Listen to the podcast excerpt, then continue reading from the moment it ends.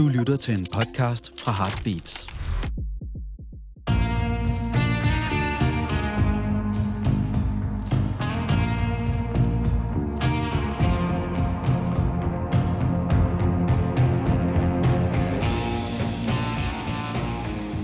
Så er det sørme blevet tid til endnu en gang rockhistorier. Nummer 213 af slagsen. Dine værter er som altid Claus Lyngård og Henrik Kvejts. Og vi skal i dag kigge nærmere på den albumaktuelle Elizabeth Woolridge Grant, måske bedre kendt som Lana Del Rey, der nu udsender sit 8. eller 9. album, alt efter hvordan man tæller, med den typiske titel Did You Know There's a Tunnel Under Ocean Boulevard? Og, øh, Og det vidste vi jo ikke nej, det vidste vi nemlig ikke. Så nu ved Og vi det skal også siges, at vi i optagende stund ikke har hørt pladen. Vi har hørt de tre singler, der i, mens vi sidder og optager denne podcast, er sendt ud på nettet, og de lyder lovende. Man kan jo sige, at øh, Lana Del Rey har en lyd, en metode, og hun er øh, blevet øh, af nogle kritikere ligesom gået i rette med, at hendes sang lyder meget ens, og hendes plader lyder meget ens. Men jeg synes nu alligevel, at øh, Det der gør de så også sådan umiddelbart, men når man så går ned i det, så er de faktisk ret... Øh, altså, der sker ret meget i hendes musik, når Ja. man ligesom går bag overfladen. Ja. Og hun er god til hele tiden at finde nye producer, som kan give det et twist. Hun siger et sted i et interview, at øh, hun lærte at spille guitar af en onkel. Og de seks akkorder, han lærte hende, sagde hun, der mente hun, hun kunne skrive en million sange. Og det er nok det, hun har gjort. Det kan være, der er sådan et par stykker mere ind. Man bliver jo bedre med årene, men hun arbejder meget inden for sådan et helt bestemt område, men det er også værd at nævne, at hun jo samarbejder med øh, næsten altid med sin producer omkring sangskrivningen. Det er meget, jeg kan faktisk ikke komme i tanke om, at jeg har set den eneste solo-credit øh, i hendes... Nej, hun øh, har altid samarbejdspartnere, Ja, ja, ja, både på, på sangskrivningen og, hvad hedder det, og Produktion. produktionen. Ja. Øh, og øh, det sjove er, at øh, når Henrik siger den 8. og 9. plade, det er, at den plade, som ikke ret mange mennesker kender, som hun udsender øh, tilbage i 2010, som blev trukket tilbage og ikke sådan er til at komme i nærheden af, medmindre man, man ved, hvor man skal lede.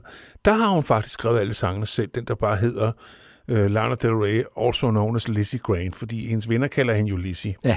Altså, det er jo hendes, sådan en forkortelse af Ja, Elizabeth. der er st- stadig også et navn med, med Ray, altså R-A-Y, Ja. ja. nu hedder det R-E-Y, ikke? Jo øh, efter en eller anden bil fra 80'erne, så vidt jeg har forstået, Ford Del Rey. Altså navnet er jo sammensat ifølge nogen af skuespillerinden Lana Turner, som er sådan en af de helt store Hollywood-stjerner i 40'erne og 50'erne, og så den der bil, Ford Del Rey fra 80'erne. Øh, og altså, det er jo et navn, der skriger langt væk af at være konstrueret, og det er, synes jeg er meget typisk for hende, at det kunstige, det skræmmer hende ikke. Nej, og det var også noget, der hun blev slået i, i, hovedet med, da hun kom frem og så videre. Det hele det der autenticitetsbegreb, som jeg aldrig helt har forstået. Nej, det altså, ikke. Som gammel Bowie-fan, der kan man jo ikke rigtig bruge det til noget. Altså, altså autenticitet, hvad fanden er det? nej, og hun er også sådan, på mange måder blevet indbegrebet af, af vestkysten, men hun er jo faktisk født og opvokset på østkysten i staten New York. Ja. Og hun savner, og i gang imellem, så er der så også nogle udbrud her og der, hvor hun så savner New York. Øh, en længsel efter den tid. Det er også der, hun, hun starter som musiker, hun spiller i klubberne osv. Altså ifølge hende selv, så var hun jo alkoholiker som 14-15-årig. ja, det var derfor, hun blev sendt på kostskole, Ja. faktisk. For ligesom at komme Men ud- ellers er hun jo på mange måder en meget privat person. Der Ja. man, man, altså, man ved ikke så meget om, hvad der egentlig Nej. Foregår, når hun ikke Altså. er i pladestudiet. Nu er hun så også meget, meget flittig, så hun er, må tilbringe meget stor del af sin tid i et pladestudie. mere arbejde, eller skrive sange, Ja, eller også fordi laver. nu koncentrerer vi os om, om hovedstolen, det hovedværket, men ud over det, så ligger der jo rigtig mange numre på diverse soundtracks og compilations album og så videre. Altså hun har udsendt virkelig meget. virkelig meget og arbejdet sammen med rigtig ja. Mange øh, forskellige øh, koryfærer øh, ned gennem årene. og så er hendes karriere jo, altså hvis vi regner Video Games, hendes gennembrudssingle for 11, som starten, og det må man jo nok gøre, så har hun jo faktisk kun været i gang i 12 år, men hun har lavet ni albums, øh, og plus en digtsamling, og så alt det løse, ikke? Jo. Øh, sjovt nok er hun ikke sådan en, der har optrådt i film. Man skulle tro, Nej, at hun har så lavet et par kortfilm, den Ja. ja. kommer vi ind på senere. Men øh. hun har ikke valgt skuespillervejen. Jeg tror, hun har haft nogle ganske, ganske små biroller. Nej, eller også så har hun valgt en anden form for skuespillervej, fordi nu laver vi jo podcast her, det er jo sådan noget for ørerne, men der er jo også noget, øh, altså hendes univers er også meget visuelt. Hun. Ja. har lavet nogle meget, meget frapperende musikvideoer, en hel del af dem, og så Ja. videre, og skabt sådan, ja, nærmest en hel mytologi omkring sig selv. Ja, jo. Hollywood Sadcore, som nogen kalder det, som ja. Ja. faktisk er et meget godt navn. Ja, og så blev hun jo, hvem var det, at hun blev døbt som en gangster, Nancy Sinatra på et tidspunkt Ja. af nogen. Jeg tror, det var Hun de- også sådan... Altså, hun har sådan en helt egen lyd. Hun er svært sådan stilistisk at putte ind i en eller anden kasse, fordi der Ja. er både noget dream pop, og der er noget trap og electronica og 70'er vestkyst øh, Ja, lyd og, trip-hop. over der, Ja. og alt muligt. Øh, hun er nærmest blevet en genre i sig selv.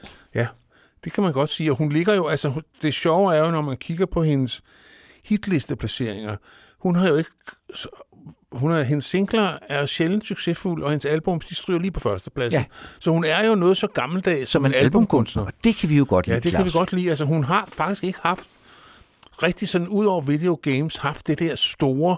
Ikke fordi jeg synes faktisk, mange af hendes sange har været hits i mit liv, øh, men når du ser på det, så er det sådan 40. 20. pladsen, eller... Altså, Ja, i hvert fald i USA. Hun Ja. har været lidt... mere populær i England Ja. ja. Ja, og Europa Ja. måske. Men øh, inden vi fortaber os for langt derudad, så lad os da lige øh, høre gennembrudssinglen ja. Video Games, der kom som single i 2011, og så var inkluderet på den EP, der hed Lana Del Rey, og så selvfølgelig debutalbummet Born to Die. Der Ja, er og- noget andenpladsen i USA og førstepladsen i England. Og et nummer skrevet af Lana Del Rey sammen med samarbejdspartneren Justin Parker og produceret af en vis Robopop. Øh, som efter sine producerede hele det her nummer på en enkelt aften. Ja. Det lavede, han fik en, en, en demo af Lana Del Rey med hendes vokal og pianospor på, og så lavede han resten på på en aften. Fra klokken 8 til klokken 2 om natten var han færdig, sagde han. Så var det nummer færdigt. Det er i hvert fald vældig, og det hører også med Og, det til var, og, historien, og der at- kan man sige, der var det færdige i første hug forstået på den måde, at der er Lana Del Rey, altså Ja. der er, det, den er færdig. der, der er hun færdigbagt. Ja. Øh, og det er også med til historien, at pladselskabet faktisk ikke mente, det var et hit. Så hun uploadede videoen, som er meget stemningsfuld, og så den, hun har meget med referencer til 50'erne og 60'erne, man kan sige, USA's gyldne år på en eller anden mærkelig måde, før at før Watergate og alle de der, den, den række syndefald, Vietnamkrigen, de tabte og alle de der ting. Så refererer hun rigtig meget til, og det er i udpræget grad her, jeg tror, det er sådan noget 8 eller 16 mm smalfilm, hun Det er det, og så er der sådan en klip, hvor hun sidder og synger ind i et webcam. Ja. Hun har simpelthen selv lavet den der ja. Video. Øh, Den uploader hun, og det er faktisk sådan, den, bliver, den går viralt, som det hedder på nudansk. Ja. Øhm, og der bliver pladselskabet så ligesom nødt til at sige, okay, den kan åbenbart den noget. kan noget. Ja. Og det Godt, kan, lad os- lad os høre kan den. den faktisk Ja. også.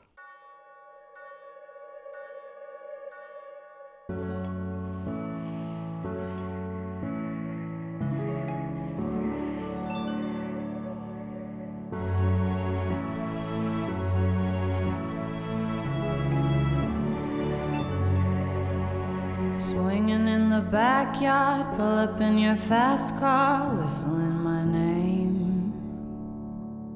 Open up a beer and you say, Get over here and play a video game.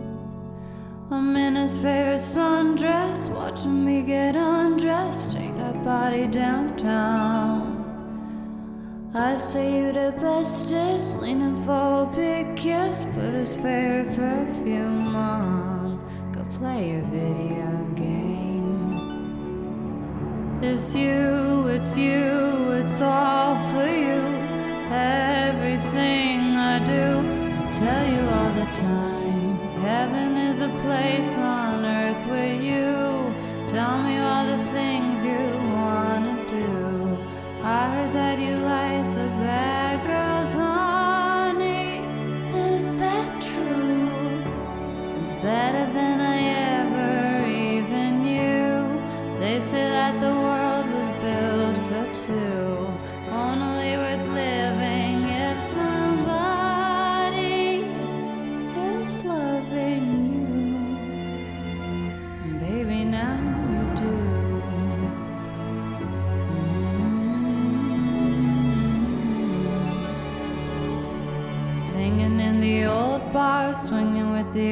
stars, living for the fame. Kissing in the blue dark, playing, pulling wild dots, video games. He holds me in his big arms, drunk, and I am seeing stars. This is all I think of. Watching all our friends fall in and out of old clothes. This is my idea of fun. Playing video It's you, it's you, it's all for you. Everything I do, I'll tell you all the time. Heaven is a place on earth with you. Tell me all the things you wanna do. I heard that you like the bad girls, honey. Is that true? It's better than I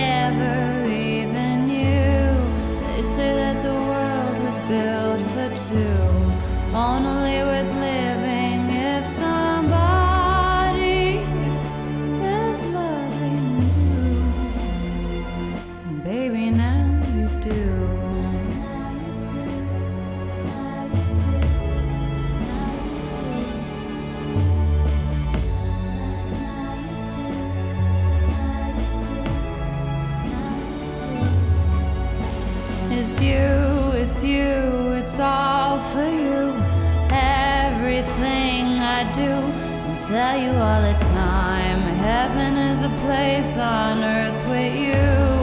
Tell me all the things you wanna do. I heard that you like the bad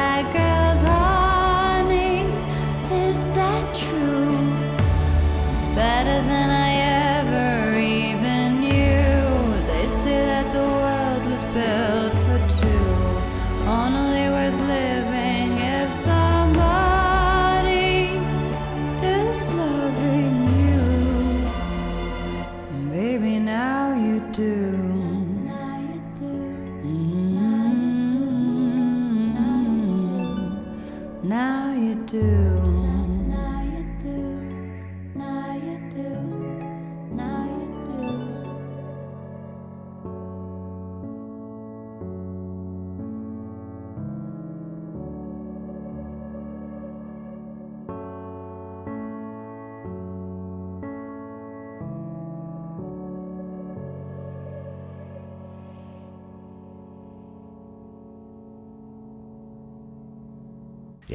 Meget stemningsfuld video games, der i 2019 øh, til da, hvad hedder det magasin, der hed Q Awards, der blev den simpelthen øh, udnævnt og fik en pris for Song of the Decade, intet mindre. Ja, og det, det kan jeg egentlig godt forstå. Ja.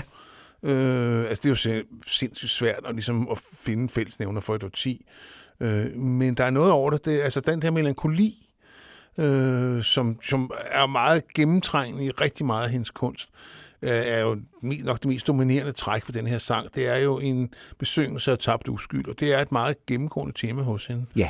At tingene på en eller anden måde bare får bedre en gang. Ja, og så får hun jo også, at hun, hun får lavet det der mytologiske amerikaner, på, ja. Ja. altså den, et drøm om et Amerika, sådan Et primært bedre 50 Amerika, 60, ja. som måske egentlig aldrig har eksisteret, Nej. men øh, Men som findes som vision. Ja, ja, ja, men altså som måske hver generation i stigende grad forestiller sig, at de foregående generationer på en eller anden mærkelig måde havde det bedre. Det kan jo så diskuteres. Men øh, øh, Den kastede intet, Born to Die-albummet, kastede intet mindre end seks singler af sig. Øh, og vi skal høre en til af dem øh, med den, nu er vi inde ved amerikaner, så vi hedder National Anthem, ja. Men som jo er sunget ud fra, fra sådan en trofækones synspunkt, Ja. og så blev lavet en helt vild fed video til, Ja. hvor hun spiller øh, Marilyn Monroe, og så har hun den sorte rapper, øh, A$AP Rocky, til at spille John F. Kennedy. Ja. Øh, og det, som handler om mordet på John F. Kennedy-videoen. Øh, Ja. Og den, den er, fantastisk. Og virkelig, virkelig øh, fængslende, øh, må man sige. Og øh, igen har hun skrevet den sammen med, faktisk med rigtig mange. Den skrev dem sammen med The Nexus og Penny Forster og Justin Parker. Så det er per komité, men det er aldrig til at vide, hvad folk har bidraget med i de der øh, lange credits. Nogle gange kan det bare være nogle beats, så skal man også have Have credit, ja. Ja. Øh, så det ved jeg ikke. Men øh, det er en sang, som øh, både fungerer øh, visuelt, men bestemt også bare i ørerne. Ja, og som starter med, at man kan høre sådan en lang inhalering. Sådan, og efter sine skulle hun også være meget glad for en lille bønne. Ja, det har vi så, hørt. Ja. Det har hun heller ikke lagt skjul på. Nej. Så altså, ja, lad os kaste os ud i... Recreational Nas- Drug, som ja. det hedder. National Anthem, der kom som single i 2012, og som sagt også er at finde på albumet Born to Die.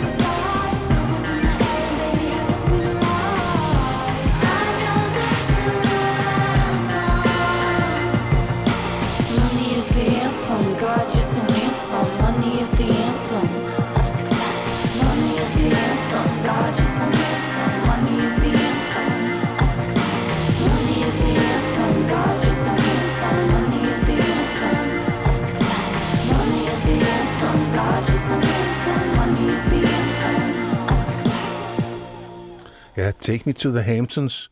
Det er jo det sted, hvor de ultrarige holder deres ferie i på den amerikanske østkyst. Og det er også der, øh, dele af videoen er filmet. Og der er, det er svært måske at forstå, hvor provokerende det kan virke på nogle amerikanere, at hun optræder i en intim situation, og mange meget ret intim situationer med en sort mand, men det er altså noget, der godt kan virke som en rød klud på mange... Øh, amerikanere, øh, ja. Ja, ja på, altså, ikke kun bare amerikanere. Nej, nej. Øh, og der er hun altså fuldkommen frygtløs. Det, så må de take it or leave it.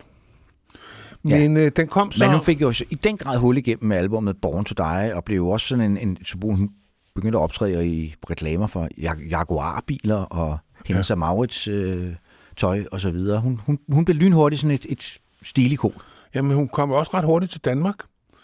Jeg så hende der, da hun turnerede, og øh, der var en ret stor afstand mellem personen på scenen, synes jeg, og det univers, hun havde skabt, fordi der virker hun faktisk som sådan en lidt kajtet ung kvinde, Ja. Altså, øh, der stod og sang de her altså, man, når man mørke sange. Ja, når man så ser den udstråling, hun har i videoer og på bladekopper og så videre, så den, forplantede sig ikke rigtigt til en scene. Nej, og det var, altså, det var ikke, fordi det var en dårlig koncert på nogen måde. Jeg gik heller ikke derfra sådan skuffet eller noget. Jeg fik bare et... Jeg så hende på en anden måde, og har set hende på en anden måde siden, hvor meget af det, altså hvor god hun er til at iscenesætte ting. Ja.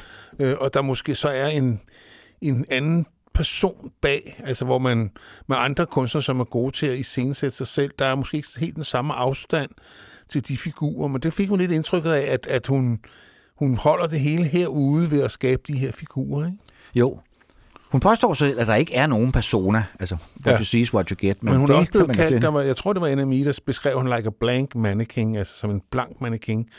Øh, det synes jeg selvfølgelig værket modsiger i høj grad, fordi der er utrolig meget smerte i mange af hendes sange. Øh, og, øh, Ja, hun er faktisk også, synes jeg, når man lytter efter, en, en rigtig god tekstforfatter. Ja, det altså, synes jeg også. Ja. Det er noget af det, der gør hende også med til at gøre hende interessant, at hun virkelig... Altså, der er jo en ret massiv kritik, øh, altså kulturkritik i hendes Ja, værk. hun har en eller anden forbløffende evne til at få sådan sanger om, om, om uforløst kærlighed, bad love, til, til også at handle om det amerikanske samfund. Helt sikkert. Altså, ja. Det er sådan et trick, hun har, som, ja. Som fungerer rigtig, rigtig godt. Ja, det, det synes jeg, du har ret i. Øh, Jeg læser altid med stor nysgerrighed, øh, når der kommer en ny plade, hvad hun har fundet på, øh, også med ordene denne Ja. gang.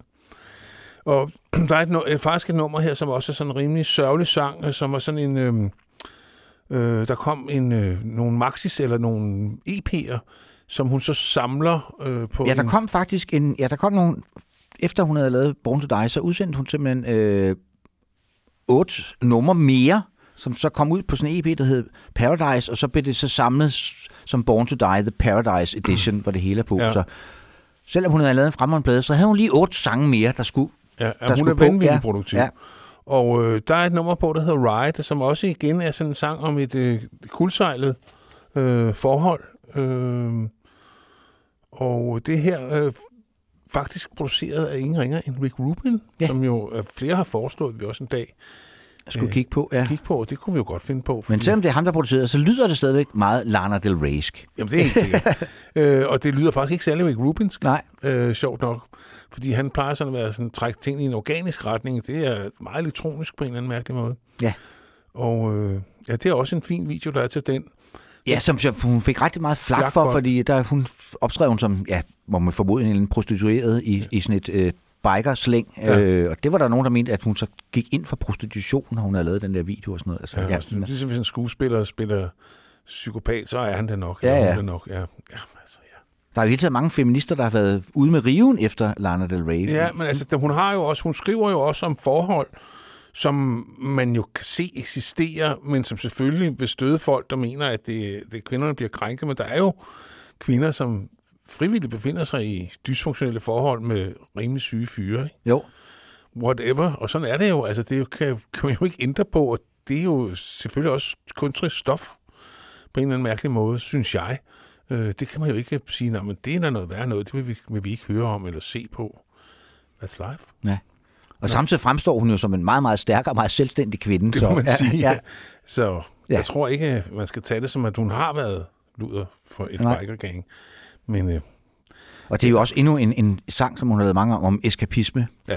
Altså hun har det helvede, hun vil bare ud og drikke nogle øl og ryge nogle joints og køre Ja. ud i per, altså motorcykel eller bil. Det fremgår ikke helt af teksten.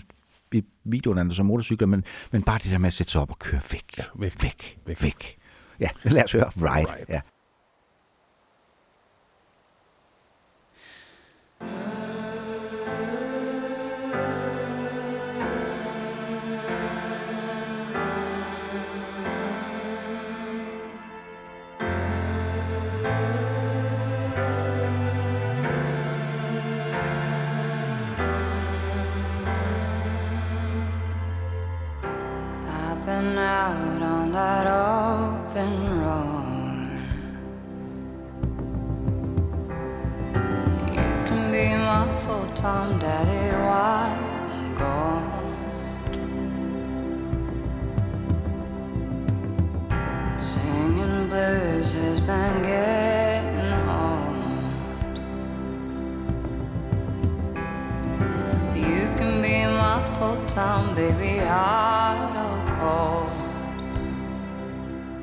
Don't break me down.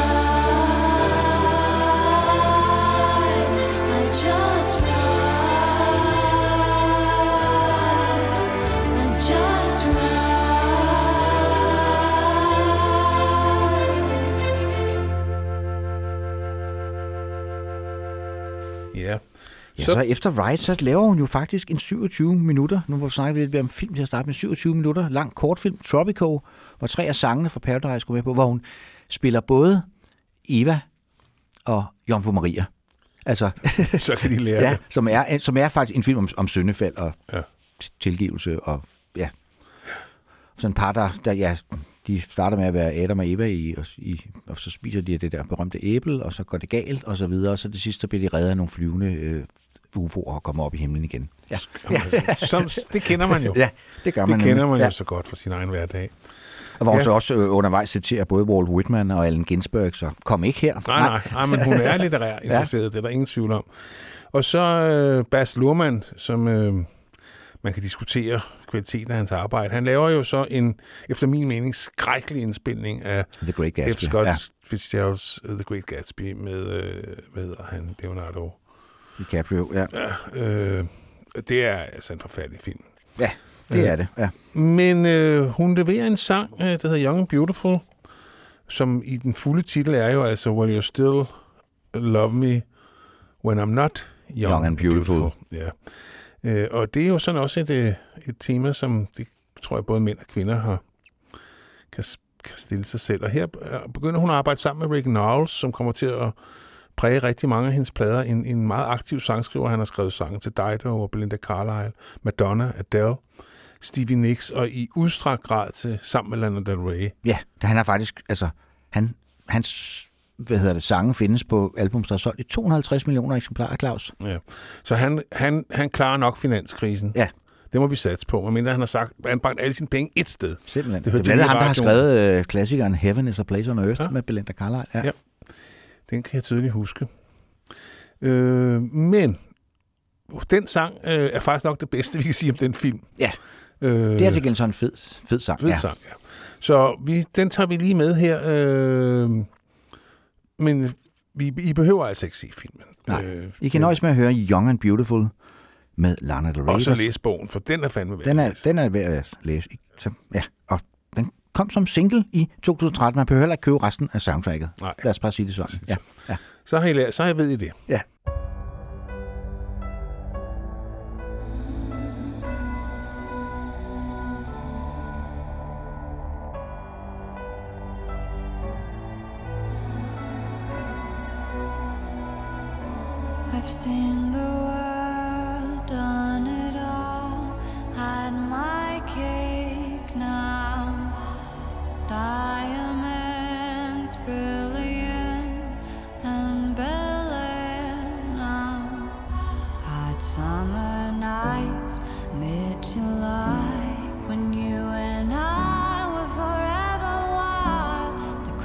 Crazy days, city lights, the way you'd play with me like a child.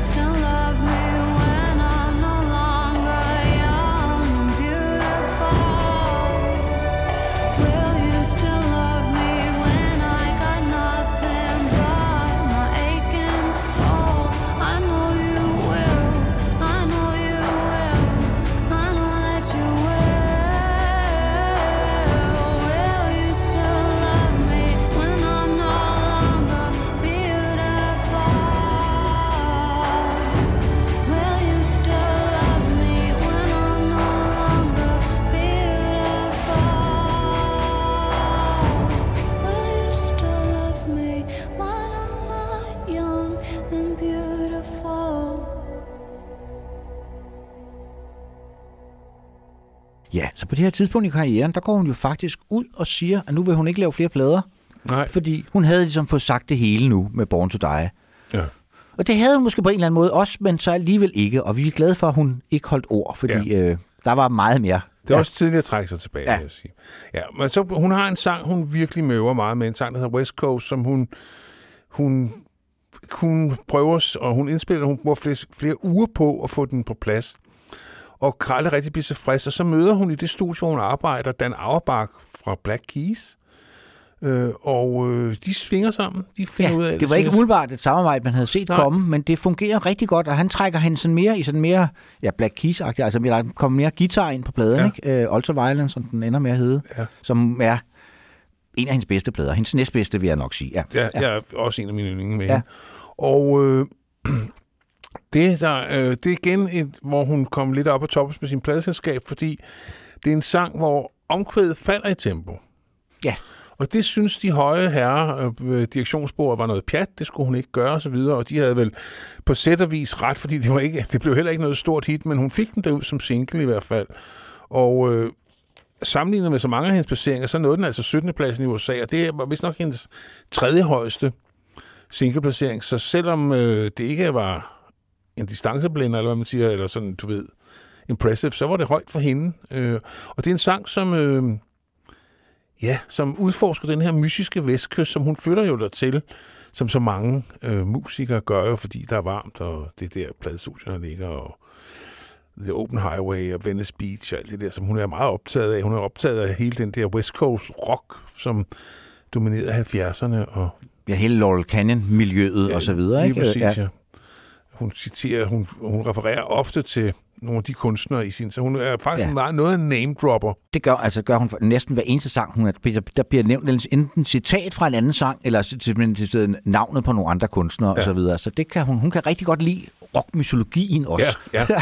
Rock og litteraturmytologi, ja, ja. ja. Det er noget, hun refererer Og til. det er så endnu en grund til, at vi godt kan lide en Claus. Ja. For det, Det- kan vi også, ja. Ja. Og det gør selvfølgelig, at, øh, at man øh, kan høre, hvor hun kommer fra. Ja. Fordi hun slet ikke forsøger at lægge skjul på det. Men West Coast her var så øh, en sang, som blev udsendt som single mod pladselskabets ønske, som sagt, og alligevel faktisk blev et ret anseligt hit. Og en af hendes bedste sange, synes jeg. Og albumet Ultraviolence, altså nu må vi ind på litterært, det er jo selvfølgelig også en hilsen til Anthony Burgess Clockwork Orange-roman. Ja. Øh. Øh, ja. Så sådan hænger det hele sammen. Og øh, ja, det er jo også en sang, som også handler om, om parforhold, og skal man vælge den ene, eller skal den vælge den anden, men jo også om den der flugt netop til vestkysten, det der, som Tom Waits også engang, going out west, det er jo sådan Ja. et amerikansk begreb, ikke? Når Jo, man jo. tager vestpå, så er det for, ligesom for at fremme sin karriere. Ja, ikke? ja. Øh, det var jo, altså, de, de holdt jo først op med at tage vest på, til de ramte Stillehavet. Ikke? Ja. Så kunne man ikke komme længere. Så ja, lad os høre West Coast, der kom som single i 2014, samme år, som det også var inkluderet på albumet Ultra Violence, der nåede førstepladsen både i England og USA.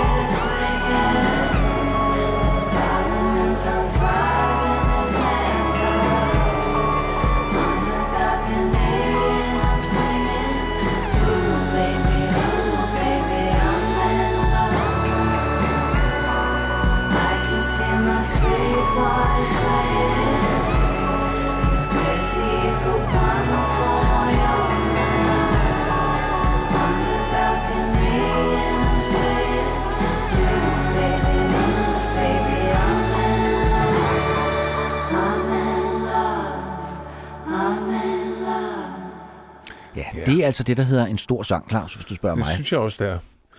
Og øh, så vender hun så blikket mod New York-hipsterne i sangen Brooklyn Baby, hvor hun så gør lidt grin med det, hun selv aspirerer til. Hun vil jo gerne være, hun vil jo gerne være hip. Ja. Øh, men man kan jo godt øh, hudflette øh, det, man selv er.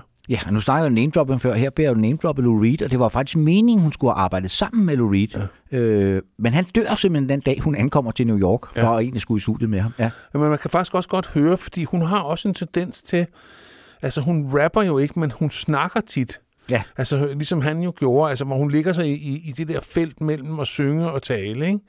Øh, sådan rytmisk, rytmisk tale. Øh, så jeg kan sagtens høre, se sammen, øh, hvad hedder ja, man det? gad godt have hørt det samarbejde. Ja, det gad man godt. Ja. Øh, fordi jeg tror... Øh, hvis, Jeg tror også godt, Lou Reed kunne, kunne værdsætte Lana Del Rey. Det, det, det, jeg jamen, det tror på. jeg helt sikker på, at Ja. kunne. Fordi at, altså, ligesom ham, så har hun jo styr på, sine, på sit sprog. Ikke? Jo.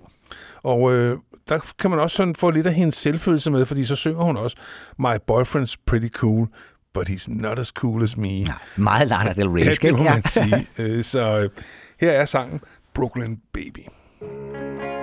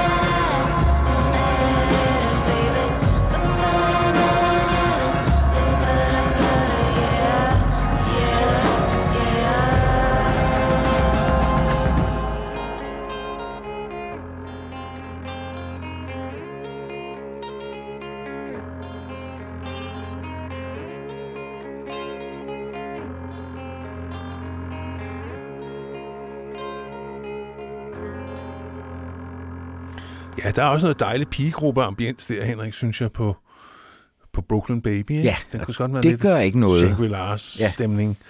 Ja. Øh, Det er det hele taget, altså ja, endnu et eksempel på det meget, meget vellykket samarbejde med Dan Auerbach. Ja, Men selvom sige. de efter sine svingede godt sammen, og det var også rent kunstnerisk havde et meget vellykket samarbejde, så smutter hun videre. Ja, det gør hun. Og så laver hun så den første plade, hvor vi ikke var helt op at støde, Henrik. Honeymoon. Øh, Det var også, fordi der var kommet to så fremragende album. Ja, når man så vender tilbage til det i dag, så er det ikke så...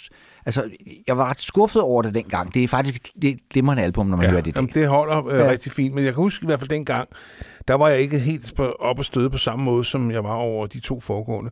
Men til gengæld så er min all-time favorite øh, Lana Del Rey sang derpå. Og jeg påstår ikke, at det er hendes bedste sang, men det er bare den sang, jeg bedst kan lide. High by the Beach, øh, igen en sang om eskapisme, og en virkelig mærkelig video. Ja, Øh, og også sådan en, en kiss-off-sang, altså sådan en, en fuckfinger til ja. Ja. en eller anden fyr, hun er ved at forlade. Ja. øh, og dem kan vi også godt lide, sådan Ja, nogle sange, ja, ikke? og hop, din klovn, Ja. ikke? Og der går hun tilbage sådan en mere elektronisk retning. Der er jo en anden stor sang, som vi så ikke får tid til at spille på Honeymoon også, Art Deco, som vi har spillet i et Den har tidligere øh, program. Ja. ja. Øh, Og så er der jo et nummer, hvor hun øh, reciterer T.S. Eliot, så Så- igen, øh, Ja, der er styr på det. ja, Ja. fint skal og så laver hun faktisk en meget fin coverversion. Det er jo noget, hun er hele tiden ret god til, coverversioner. Ja. Øh, vi får et enkelt eksempel på det senere i programmet, men, øh, men dem har hun lavet rigtig mange af. Man kunne godt have lavet sådan en helt spilleliste ja, med gud, hun Lana Del Rey covers. Chelsea Hotel nummer Ja. 2 har hun blandt andet. Og her altså laver hun Nina Simone's Don't Let Me Be Misunderstood, øh, som hun rigtigt. sikkert også har kunne øh, identificere sig med. Ja, det kunne man godt forestille Ja. Også fordi, at altså, hun, hun har det med at blive misforstået. Ja. Og jeg tror heller ikke, altså jeg tror ikke, at hun helt har styr på reglerne. Altså hun snakker meget i interviews om, at hun, øh, hun havde svært ved at begå sig socialt, da hun var ung. Og det kan også være, fordi hvis ikke man kan greje spillereglerne for, hvad det er, så kan man godt falde udenfor. Ja, Altså, hvis eller I- hvis man ikke rigtig... Hvis man skider på dem. Ja. Ja, eller Ja. lige får sagt det forkerte på det ja. forkerte tidspunkt. Det politisk ukorrekte i, i et, nogle bestemte miljøer. Ja. Øh, det kan jo godt ske, men jeg læste en interview med hende på daværende tidspunkt, hvor hun blev spurgt om, hvad hendes yndlingssanger var. Og det synes jeg alligevel var sjovt, fordi hun siger Britney Spears, Elvis Presley og Anthony fra Anthony and the Johnsons. Og der vil jeg påstå, at man kan ikke høre nogen, altså skyggen af nogen af de tre hos Nej. hende. Men det er også der, hun fortæller, at grunden til, at hun lyder, som hun gør, det er, at da hun skulle indspille sin første plade, der tog hun en bes- bevidst beslutning om at synge så dybt, som hun overhovedet kunne. ja. Eller For- faktisk, det var så hendes anden blade, altså ja, Born to Die. Ja. Ja, ja. Ja. Men for ligesom også Ja. at skille sig ud fra alle de her kvinder, der bevæger sig, du ved, står triller deroppe Ja. ja. og synger så lyst og smukt. Så, og det er måske en af grundene til, at hun har også den der taleagtige øh, kvalitet i nogle af sine sange, at, at, at hun er helt dernede, hvor hun... Ja, der er jo sådan et, et, på stort set alle hendes sange, er der sådan en, eller sådan en valium-agtig effekt. Jamen, det er det, rigtigt. det er Ja, sådan ja. svøbt ind Og der er noget øh, narko over Ja, det. det er der. Ja, det er der helt Ja. ja. sikkert, ja. Øh, altså, det er meget sjældent, at hendes sange går stærkt. Ja. Altså, de er Man snakker også i det film om, som putte sådan, øh, vaseline på linsen, så det hele ja. Ja. bliver sådan lidt sløret. Sådan lyder hun Ja, også. det er helt sikkert. Ja. Ja. Det er sådan lidt et drømmeverden, øh, som ikke Ja. er ubetinget rar. Nej, og var det også tit svært at decifrere de enkelte instrumenter og Ja, så videre, ja. og, og hendes vokaler er jo også tydeligvis, der er 20 øh, vokalspor oven i hinanden Ja, ja, ja. eller et eller andet, så det får den der udflydende effekt. Ikke? Ja. Helt sikkert. Men øh, nu skal vi høre Lyngårds yndlingssang med Lana. High by the Beach, øh, som jeg kan identificere mig Det- helt ja. 100% med. Øh, og man, øh, folk må sikkert og se den vildt mærkelige video, øh, som, ja, endnu en gang. What's it all about, Alfie? Ja.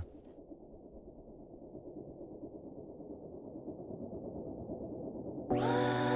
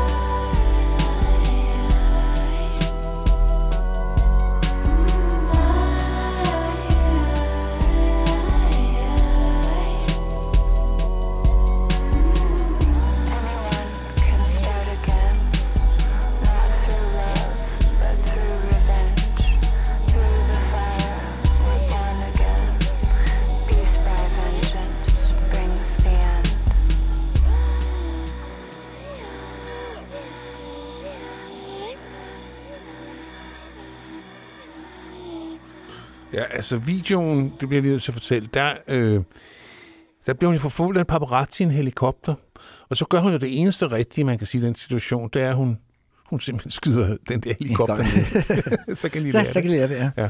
Og det siger vel også noget om, øh, nu snakker vi om hendes, altså det der med at have et privatliv, at det, det vogter hun virkelig over, fordi man kan sige, at hele den der er jo en fuckfinger til, til hele det der øh, sensationspresse, der prøver at få uflatterende billeder af berømtheder i dagligdags situationer. ikke? altså, Uden hun, hun make-up. virker som sådan meget privat, sådan, sådan nærmest ja. hånd, håndsky menneske. Ikke? Ja. Ja, ja. Og alligevel så lægger hun jo alt muligt op. Nu har hun vist nok gået af helt af de sociale medier. Ja, hun er kommet på igen, så Nå. men der var en periode, hvor Ja. ja. hun øh, tog sådan en detox. Ja, hun lagde sådan ja. nogle små øh, klip op fra turbussen og sådan noget, hvor de så ud til at have det rigtig hyggeligt.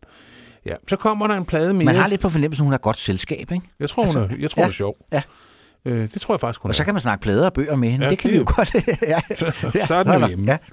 Så er der ingen øh, døde, døde pauser. Nej, fordi så kan man sige, har du, hørt, har du, har du så hørt den og den plade? Ja, og apropos også at, at, snakke musik og så videre, så efter øh, den her plade, så er hun jo blevet ganske velhavende, fordi jeg har solgt rigtig, rigtig godt hendes plader. Honeymoon når øh, andenpladsen både i USA og England. Øh, og der sammen med øh, den nu afdøde hiphopper Mac Miller, så er hun jo øh, executive producer på en dokumentarfilm om ham der freak-kunstneren Daniel Johnson. Ja, det er rigtigt. Øh, Den har jeg faktisk set. ja. ja. Og executive producer, det betyder i filmsproget, han har betalt for gildet.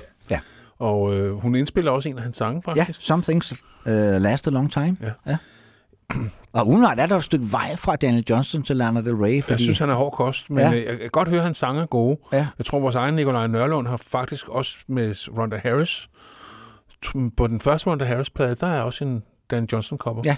Det var faktisk der, jeg opdagede ham øh, gennem, øh, gennem den cover. men det er jo så meget lo-fi, det han Ja, og lavede, han og- synger og- jo altså virkelig uskyndt. Ja, og han, altså, han var jo også psykisk syg, Ja, ikke? og det kan man tydeligt ja, høre. Men han var så Beatles-fan, det kan man også godt høre, at han er godt klar over, at det er melodierne, der skal, ligesom skal bære sangene. Og når så andre tager dem op, så kan jeg rigtig godt lide dem. Ja, Jeg så dem en gang til koncert. Jeg synes faktisk, det var lidt... Øh, det var også der var på Roskilde. Øh, Nej, det var inde i... Jeg tror, det var Vega. Var det det? Jeg husker det som Roskilde. Det kan godt være, at han har været begge steder, eller så blander jeg bare tingene Nej, sammen. jeg, det se, jeg sagtens mener helt klart. Altså, jeg er 90% sikker på, at det var Vega. Ja. Og Jamen, det var sådan lidt, man... jamen, jeg havde det sgu svært med det. Ja, altså man følte lidt, man var vidne til noget, man ikke rigtig havde lyst til at være vidne til. Ja, ja. Øh, altså, det, det var lidt grænseoverskridende ja. for mig. Det kan godt være, det er bare mig. Øh, Det kan godt være, at vi er lidt sarte, Claus. Ja, vi er, lidt sarte. vi er blevet lidt sarte med alderen. Øh, eller også så var det bare, fordi vi holdt op med at være fuldkommen loaded, når vi kunne det kan selvfølgelig også have noget med at gøre. Ja. Nå, spøg til side hofter fat. Øh, hun fortsætter jo så med at sprøjte plader ud. Øh, der kommer så en igen, der hedder Lost for Life, som jo er en hensynning til ja, både Iggy Pop, men også til Van Gogh, fordi at der blev lavet en meget berømt film med Kirk Douglas, der spillede Van Gogh, der hed Lost for Life. Og ja. Det er jo den, som Iggy så refererer til. Som hun kan referere både til Van Gogh og Iggy. Det er jo, har sikkert passet hende rigtig, rigtig Helt klart. Øh, og ja, det er meta med meta på, og det er jo meget, øh, Ja, det meget Lana. Del Rey'sk, ja. Og der Og et- har et- vi valgt et, øh, hvad hedder det, endnu, endnu en single faktisk, øh, med den meget simple, klare titel. Love. Og det er igen et album, som jeg heller ikke var ved at trille totalt bagover, da det kom, men jeg synes faktisk også, da jeg hørte det, jeg har, vi har hørt hele værket nu, at det, var, det er sgu en OK Lana Del Rey-plade. Det er ikke en af de store plader, Nej. men Og det er en af hans mere poppede plader. Ja, det er det, øh, men, men jeg kan også bare godt lide, og det er jo en sang, der, den her love, som, som handler om at være young and love, og, og, og længes tilbage til, den, til en mere us, uskyldig tid. Ikke? Ja, ja, det er der meget af hos ja. Ja. efterhånden, ja. Øh, og det kan der også være. Jamen, der er, jeg kan berolige lytterne med, der er altid noget uskyld, man kan miste. Øh, det, det ryger altså ikke på en gang. Nej, og det er jo så også en plade, hvor hun øh, hiver en masse samarbejdspartnere ind. Ja, altså ikke, første gang, ikke, ikke kun på producersiden og sangskriversiden, som hun jo har gjort hele tiden, men også altså, som gæstevokalister til både The Weeknd og før nævnte ASAP Rocky og Stevie Nicks og Sean Lennon og Playboy Cardi er indenover. Ja. Så Ja. det, Men det er jo så det, Og hip-hop, det, det- det er jo hiphop-måden at gøre det på, Ja. ja. R&B-måden, ikke? Ja.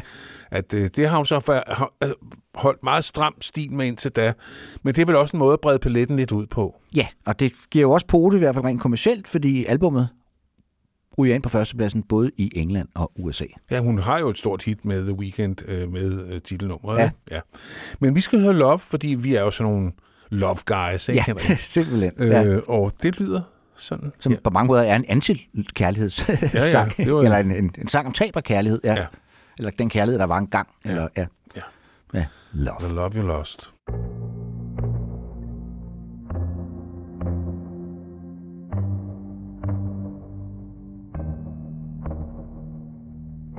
Look, you kids with your vintage music coming through satellites while cruising. Part of the past, but now you're the future. Signals crossing can get confusing. It's enough just to make you feel crazy, crazy, crazy. Sometimes it's enough just to make you feel crazy.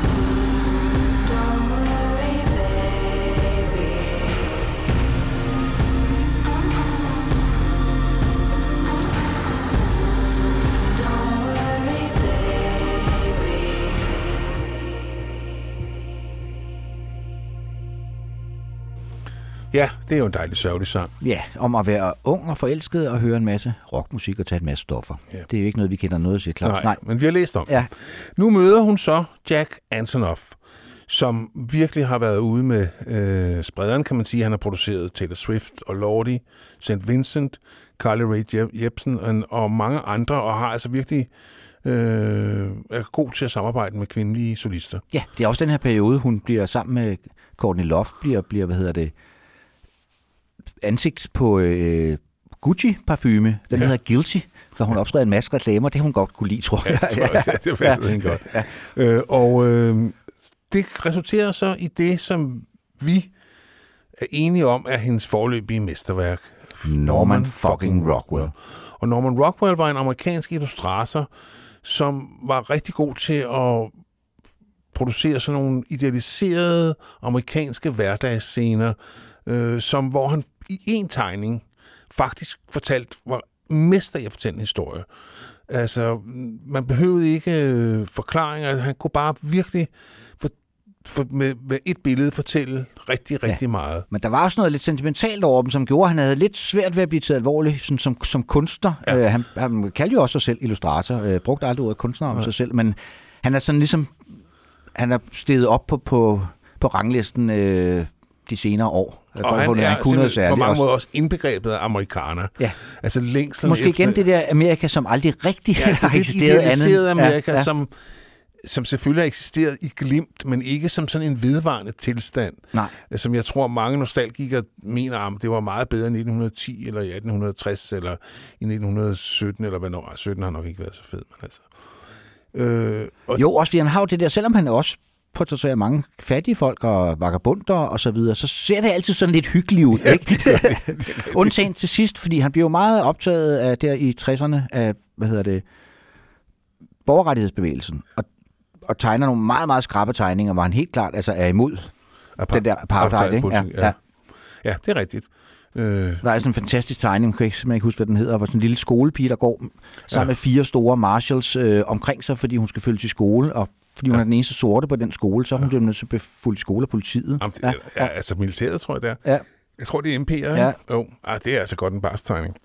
Og det er jo sandt nok. Altså, sådan var det jo. Altså, det er jo Ja. ja. vildt. Altså, det er for en verden, vi lever i. Nå, Men det er jo klart, at det er jo selvfølgelig en, en noget, der passer ind i Lana Del Rey-mytologien. Ja. Ja. Hele, det, hele det her. og så det der fucking, altså, altså det var ikke, han hedder ikke Norman Rockwell, den hedder Norman fucking Rockwell. Altså, et, altså, det er et løfte, der bliver brudt, kan man sige. Ikke? Altså, Jo. altså han, han lover noget, der ikke man ikke får. Ja. Og på mytologien, så ude på coveret til pladen, der har hun jo, og det er helt sikkert ikke tilfældigt, fotograferet sammen med Jack Nichols, Nicholsons barnebarn. Ja, det er helt sikkert ikke tilfældigt.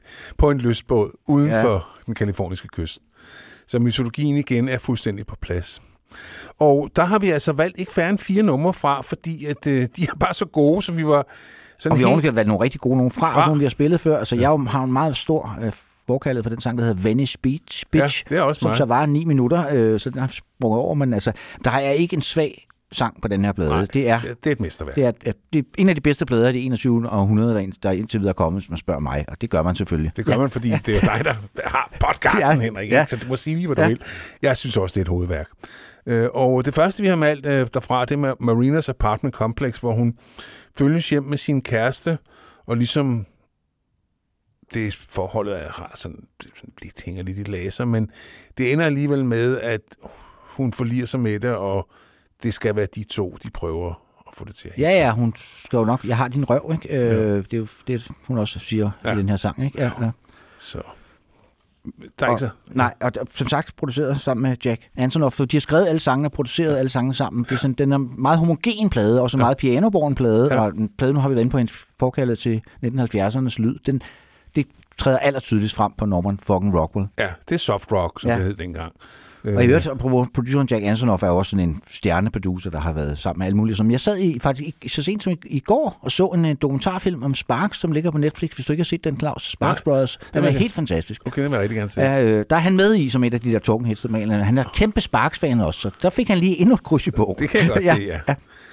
Dem kan vi heller ikke blive trætte af. Nej. Så her kommer øh, Marins, Marinas Apartment Complex. Complex.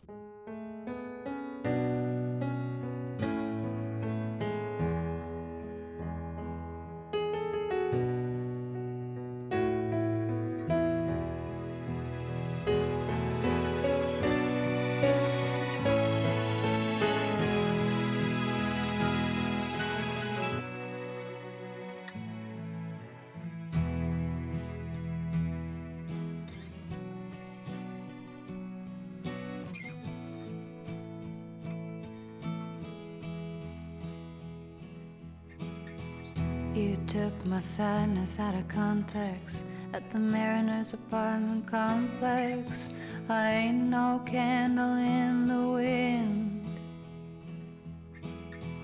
I'm the board, the lightning, the thunder. Kind of girl who's gonna make you wonder who you are and who you've been. And who I've been is with you on these beaches. Your Venice bitch, your diehard, your weakness. Maybe I could save you from your sins. So kiss the sky and whisper to Jesus, my, my, my. You found this, you need this. Take a deep breath, baby, let me in.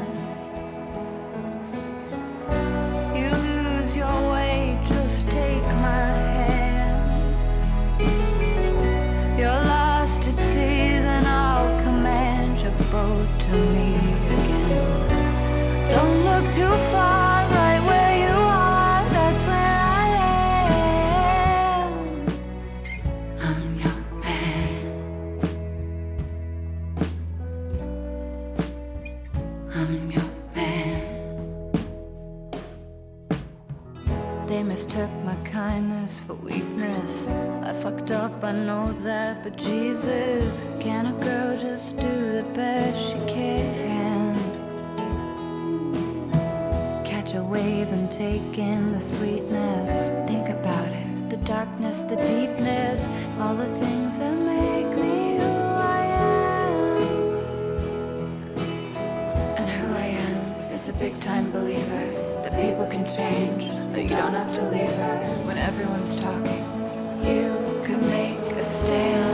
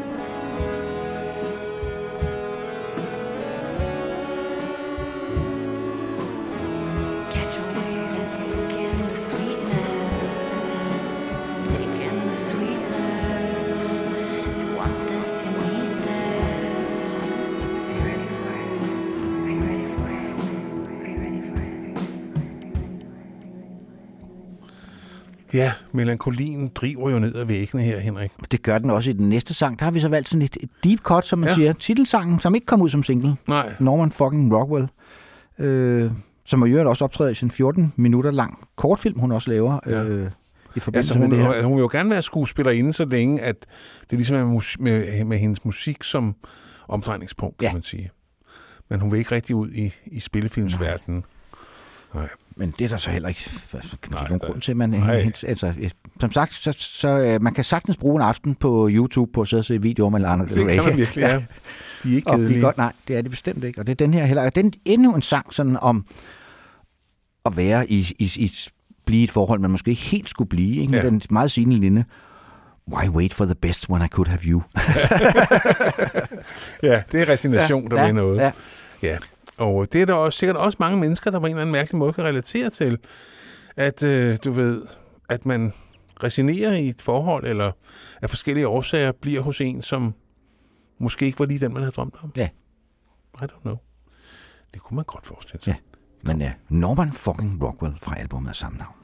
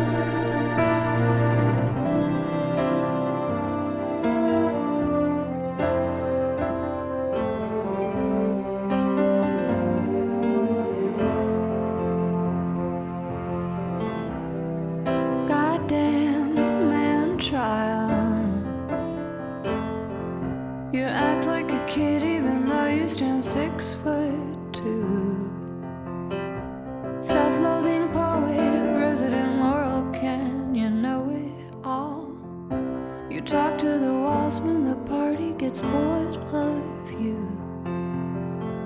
But I don't get bored, I just see it through.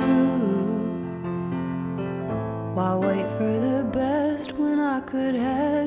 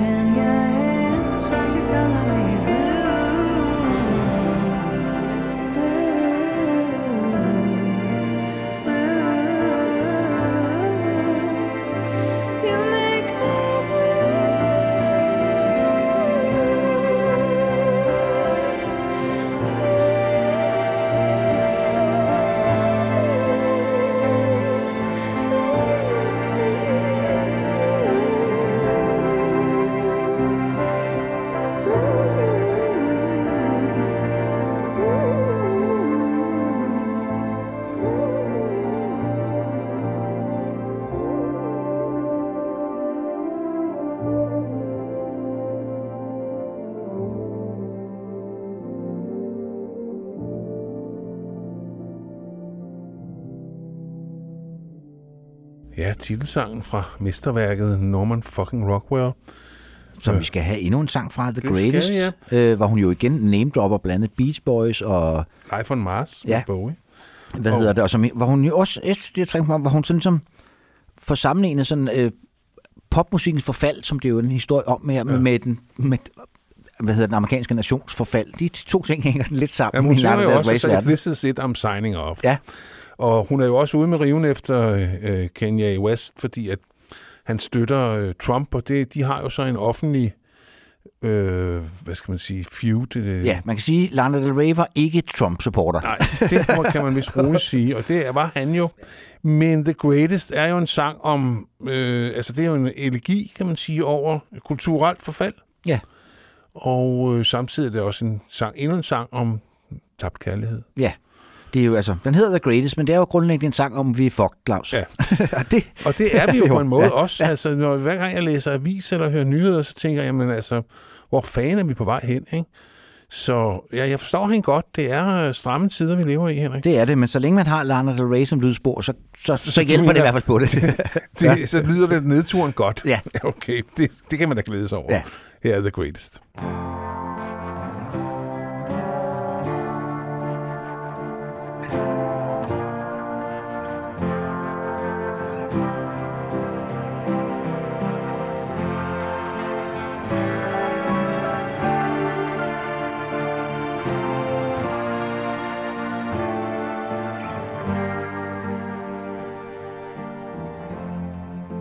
Miss Long Beach and I miss you, babe. I miss dancing with you the most of all. I miss the bar where the Beach Boys would go. Dennis's last stop before Kokomo. Those nights were on fire, we couldn't get higher. We didn't know that we had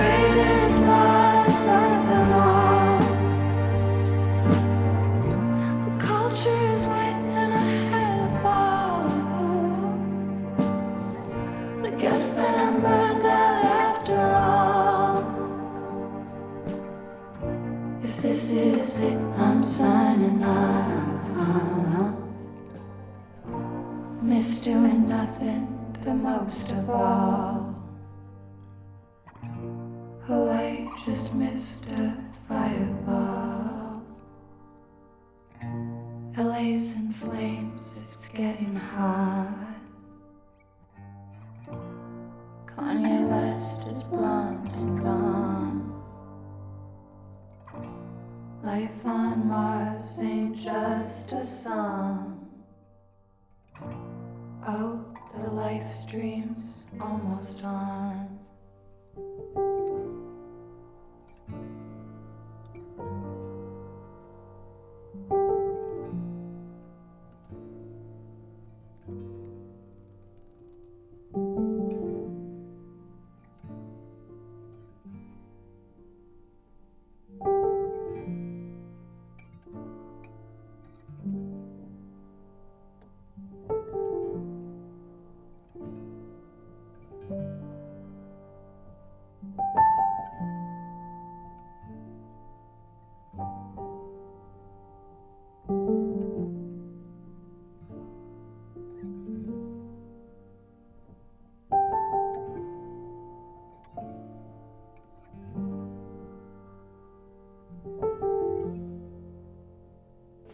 Ja, men altså den ene humør spreder efter den anden, Ja. triller ud af Nu højtalerne. snakkede vi meget om, at hun laver nogle gode videoer, men man behøver faktisk ikke altid videoerne, fordi der er noget meget billedskabende over hendes musik. Altså Ja. ja. det er meget, det der udtryk, man brugte meget i 90'erne, cinematisk hendes musik. Det er meget filmagtigt, og det er hendes, hendes tekster faktisk også. Altså det er sådan nogle små film, hun, hun Det er laver. meget billedskabende, ja. ja. Og det er måske også derfor, at øh, når man går rundt og lytter til det, man kommer i sådan... Altså hun sætter ind i et helt specielt humør, øh, synes jeg. Øh, hvor at... Altså sådan lidt en fed melankoli. Altså melankoli Super fedt, og jeg synes øvrigt også, vil jeg godt slå slag for, at man, man, man en gang imellem høre hende i hovedtelefoner, fordi så kan man høre, hvor godt det er skruet sammen, det her. Ja. Ja. Altså, det kan man virkelig høre, når man sætter, altså får det sådan helt koncentreret ja. ind. Altså, Jamen, det er også en fed måde at høre musik Ja. ja. på, det er det altså. Øh, og så var der et nummer, som oprindeligt skulle hedde Sylvia Plath, og det var jo en digterinde, som det jo ikke gik så godt. Hun endte jo med at lægge hovedet i gasovnen og skrev jo nok en af de mest berømte bøger om depression overhovedet, Glasklokken, Ja. som blev, blev nyoversat her for nogle år siden. Øh, Jeg har så den gamle oversættelse, jeg har ikke haft mulighed for at sammenligne. Men jeg kan huske, det gjorde et meget stort indtryk på mig, da jeg var dreng. Min mor døde jo selv med ja. ja. depression. Jamen, det er sådan en, altså Sylvia Plath er sådan en, som rigtig mange unge mennesker øh, på en eller anden måde kan identificere sig med. Ja. Det er sådan en, der er sådan nogle digter, man helst skal læse, når man er ung. Det, det er Ja. ja. Sylvia Plath en af dem. Ja, det tror jeg på. Men, øh, men altså, jeg har faktisk, jeg genlæste faktisk den der nye, øh, Ja, ja, nu har jeg set den, år, ja. der kom her for, for et par år siden. Og Det, man behøver ikke være ung for at læse det. Det er stadigvæk... Nej, nej, nej, øh, hun er jo en fremragende forfatter, ikke? Ja, og Ja. stor digter. Ja. Øh, ja. Men det- det, det kom så, så alligevel ikke til at hedde noget andet. Den havde den helt fantastiske titel. Hope is a dangerous thing for a woman like me to have. But I have it. Ja. Og det, øh, og det er en af mine absolute yndlingssange med Lana Del Rey. Og, og den det er ligger jo også helt sidst på pladen, så man kan sige, hun går ud på sådan en forsigtig, håbefuld tone. Ja, Ikke? Efter øh, de mange sørgelige sange, der er på, på albummet. Jo, plus det er også, øh, også endnu et bevis på hendes, hendes evne til øh, at ikke at ville spille spillet. Ja. Fordi den anden single, hun udsender fra, øh, hvad hedder det, Norman fucking Rockwell, det er jo den 9 minutter lange Venice Bitch. Ja. altså, og den her sang, vi skal høre nu, den bliver er også udsendt som single. Og den har, ryger ikke på hitlisterne i USA, og i England bliver den kun nummer 99, fordi det er ikke, det er ikke hitlistestof, det Ej, her, det, er, Claus. det, er nok en af hendes allermest øh, nedbarberede øh, øh, skabninger overhovedet, og øh, sådan en sang, som man faktisk bliver nødt til at sætte sig ned og lytte efter. Ja, det er ikke... Nej, der er ikke pyntet. Der bliver ikke, vi bliver ikke strøget med hårene her. Nej. Ikke? Det har vi jo så blevet så mange andre gange. Ja, Så. men fantastisk sang, og igen komponeret af Lana Del Rey og Jack Antonoff og produceret den bedste. Det har vi så ikke inde på. Allerede fra og med Honeymoon er hun jo selv inde over som producer på ja. alle sine plader. Helt sikkert. Altså hun, hun har fingrene nede i suppedasen. Hun, der, der er ikke noget Nej, i suppedasen, ja. der er ikke noget fabrikeret over Lana Del Rey. sagt, ja. Altså, ja. Jamen, det er rigtigt. Altså, det både er der og er der ikke, ikke, fordi der er jo selvfølgelig enorm kalkyl, men det tror jeg, der er i al kunst. Ja. Altså, hvis folk tror, at... Jo, men det, der, det er ikke nogen, der kalkulerer for hende. Nej, det er noget Det, det, det, det er hendes egen kalkyl. Og Ja. den er, det, den er vi med på. Ja. I was reading some errands and I got to thinking that I thought maybe I'd get less stressed if I was tested less like all of these debutantes. Smiling for miles in pink dresses and high heels and white yachts. But I'm not. Baby, I'm not. No, I'm not. That I'm not. I've been tearing around in my fucking nightgown 24 7 Sylvia Plath. Writing in blood on my walls, cause the ink in my pen don't work in my notepad. Don't ask if I'm happy, you know that I'm not. But at best, I can say I'm not sad. Cause hope is a dangerous thing for a woman like me to have. Hope is a dangerous thing for a woman like me to have.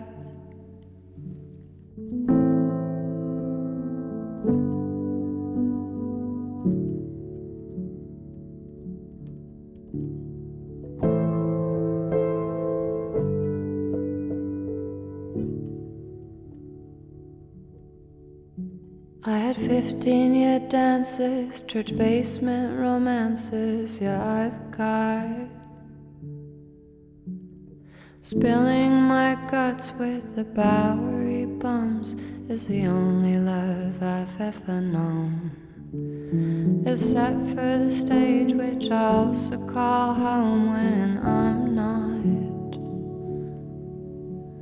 Serving up God in a burnt coffee pot for the triad. Hello, it's the most famous woman you know on the iPad. Calling from beyond the grave, I just wanna say, Hi, Dad. I've been tearing up down in my fucking gown like a goddamn sociopath. Shaking my ass is the only thing that's got this black narcissist off my back. She couldn't care less, and I never cared more. So there's no more to say about that. Except hope is a dangerous thing for a woman like me to have. A dangerous thing for a woman with my past. There's a new revolution, a loud evolution that I saw.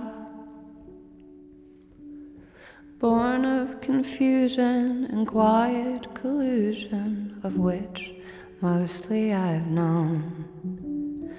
A modern day woman with a weak constitution, cause I've got monsters still under my bed that I could never fight off.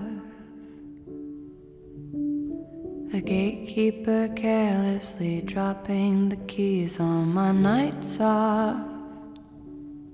I've been tearing around in my fucking nightgown 24 7 Sylvia Plath.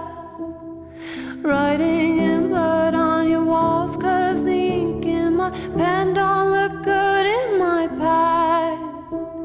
They write that I'm happy, they know that I'm not, but at best you can see I'm not sad. But hope is a dangerous thing for a woman like me to have. Hope is a dangerous thing for a woman like me to have. Hope is a dangerous thing for a woman like me to have.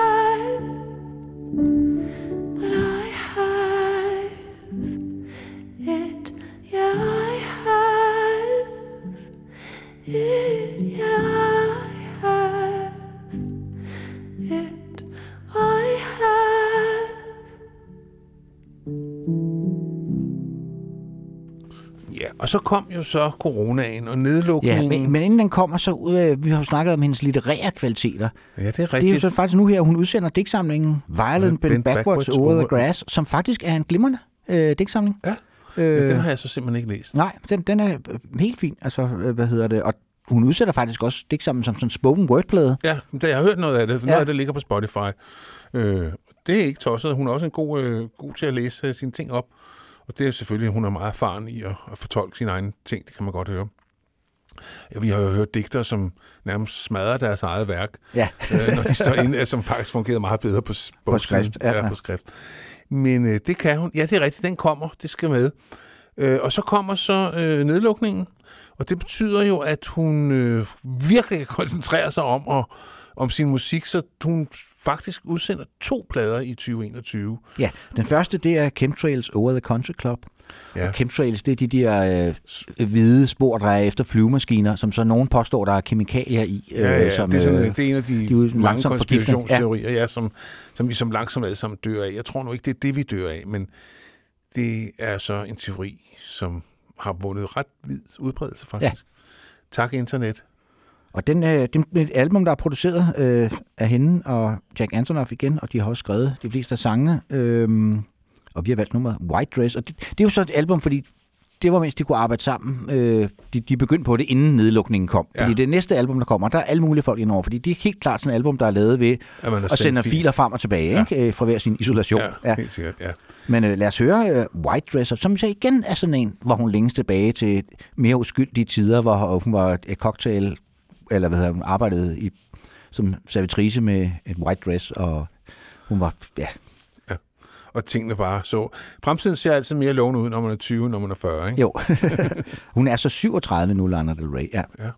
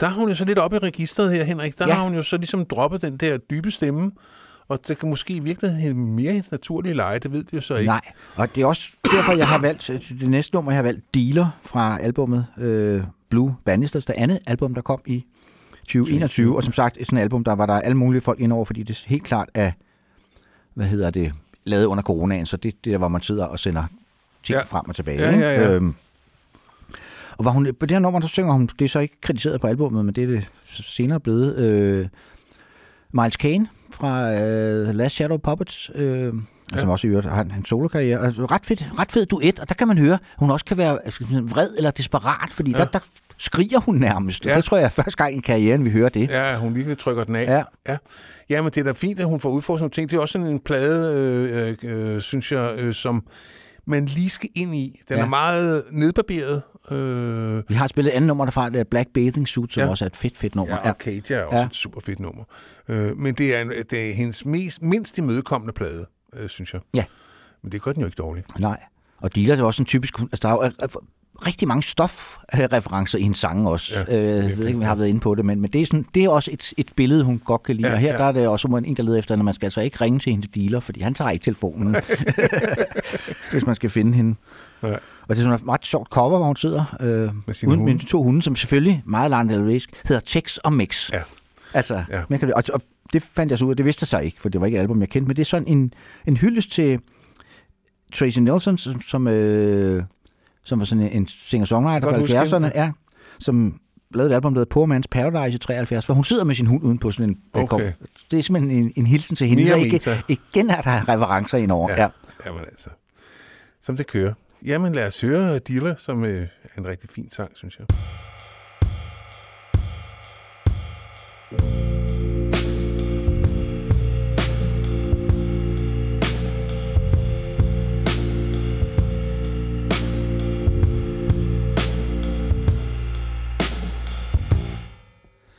Please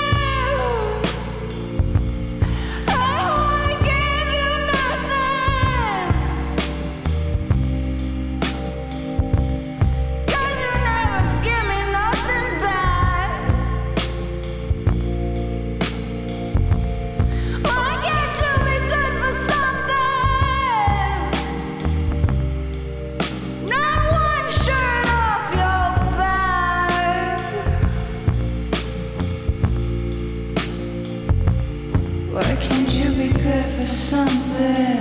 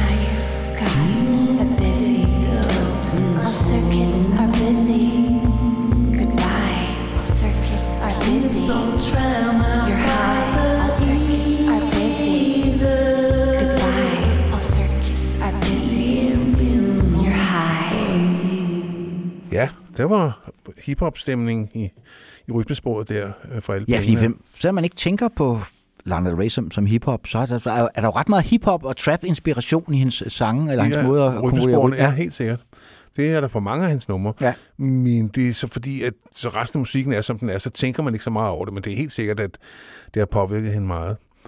Og nu øh, snakkede vi jo tidligere om, at hun er ret god til at lave øh, coverversioner eller fortolkninger, så Ja. bliver det jo meget ofte, når det, når det er hende, der laver dem. Øh, og vi synes, vi synes, vi skulle have et eksempel på dem, så vi har valgt sådan en af de lidt mere obskure, Claus. Ja, det har vi. Buddies uh, Rendezvous, som er et uh, duet med Father John Misty, som så kun findes på ja, bonusudgaven af...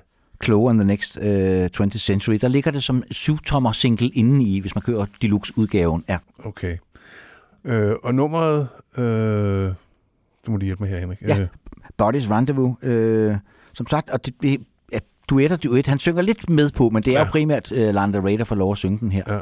og det er så meget jazzet. Ja. Øh, Og så får vi også lige sendt en, en, en, hyldest til Father John Misty, som ja. vi Ja. også godt kunne lide. Vi var inde og se her for ja, nylig. er jo meget, meget fint show. Ja. Øh, næsten for fint. Ja. Vi savner lidt af den, Den der vildskab, der var tidligere over det, ham. det ikke? har ja. han altså lagt på hylden. Ja. Jeg ved ikke, om han har holdt op med at drikke, eller ja, eller andet. det kan jo ske for selv den bedste. Ja, det ødelægger jo Ja. tit til kunstneren. Ja. Nej, spøg til side. Det var en super god koncert, og lyden var fremragende. Ja, det var ude i den nye KB-hal, som ikke er så ny mere, Nej, men, nej, ja, men- for os er den stadig ikke ny. Ja. Så det var en fin aften. Øh, det nød vi meget. Og øh, så får vi lige ham med her. Everybody's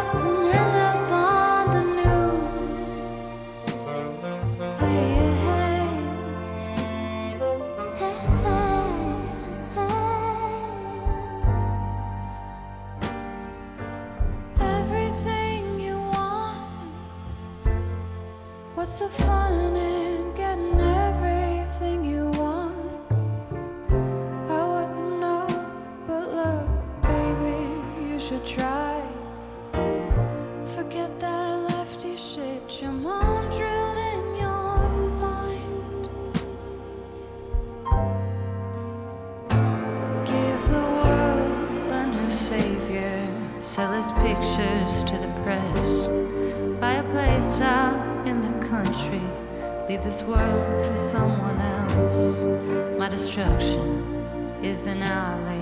I'm at Buddy's rendezvous.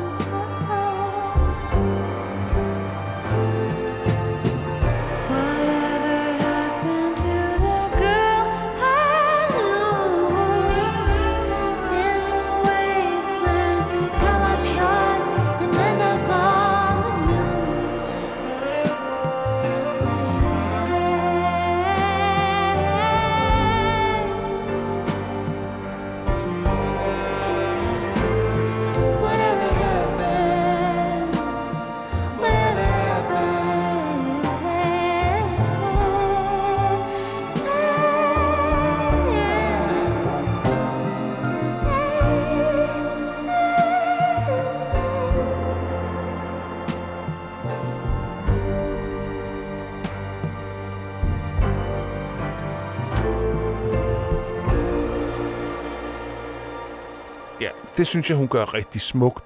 Og det er sådan en lille, lille bonusspor. Det er nok ikke så mange, der har hørt hende synge Father John Misty, men nu har de.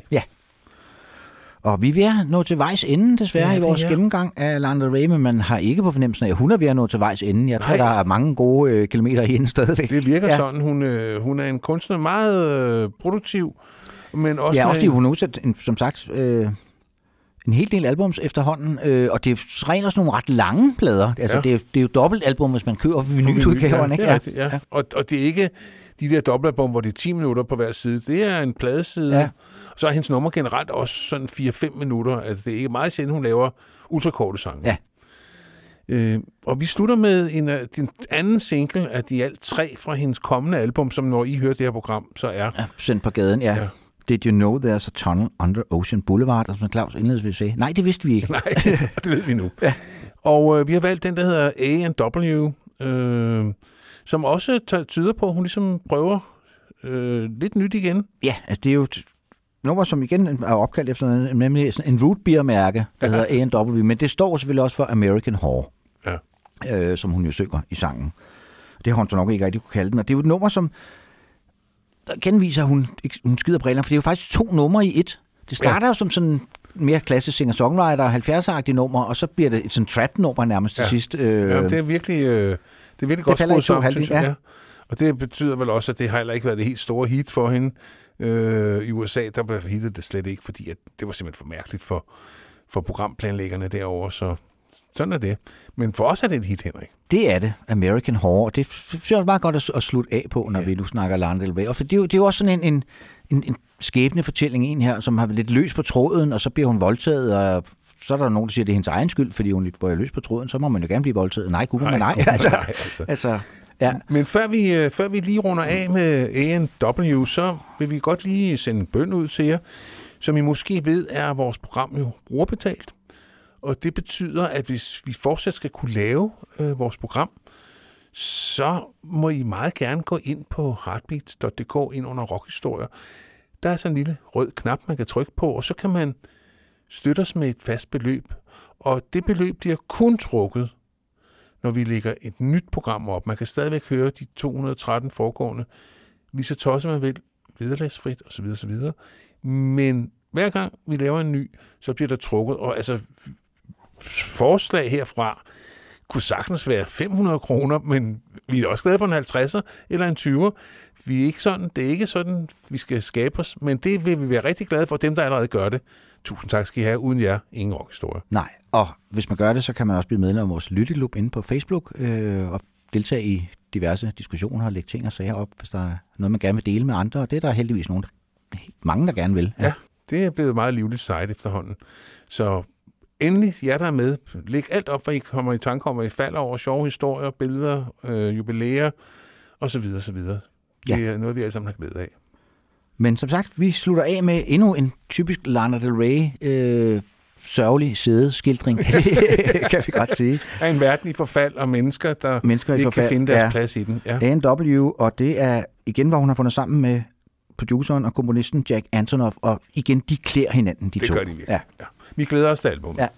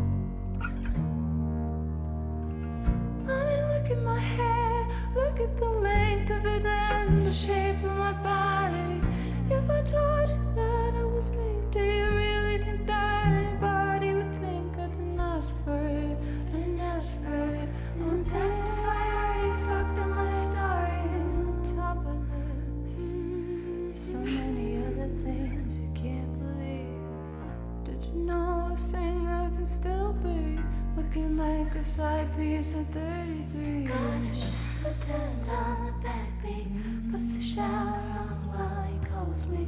sleeps out the back door to talk to me. I'm invisible, look how you hold me. I'm invisible, I'm invisible. I'm a ghost now, look how they got me. It's not about having someone to love me anymore. Okay. Now this is the experience of being an not having someone to love me anymore. Now, this is the experience of being an American whore.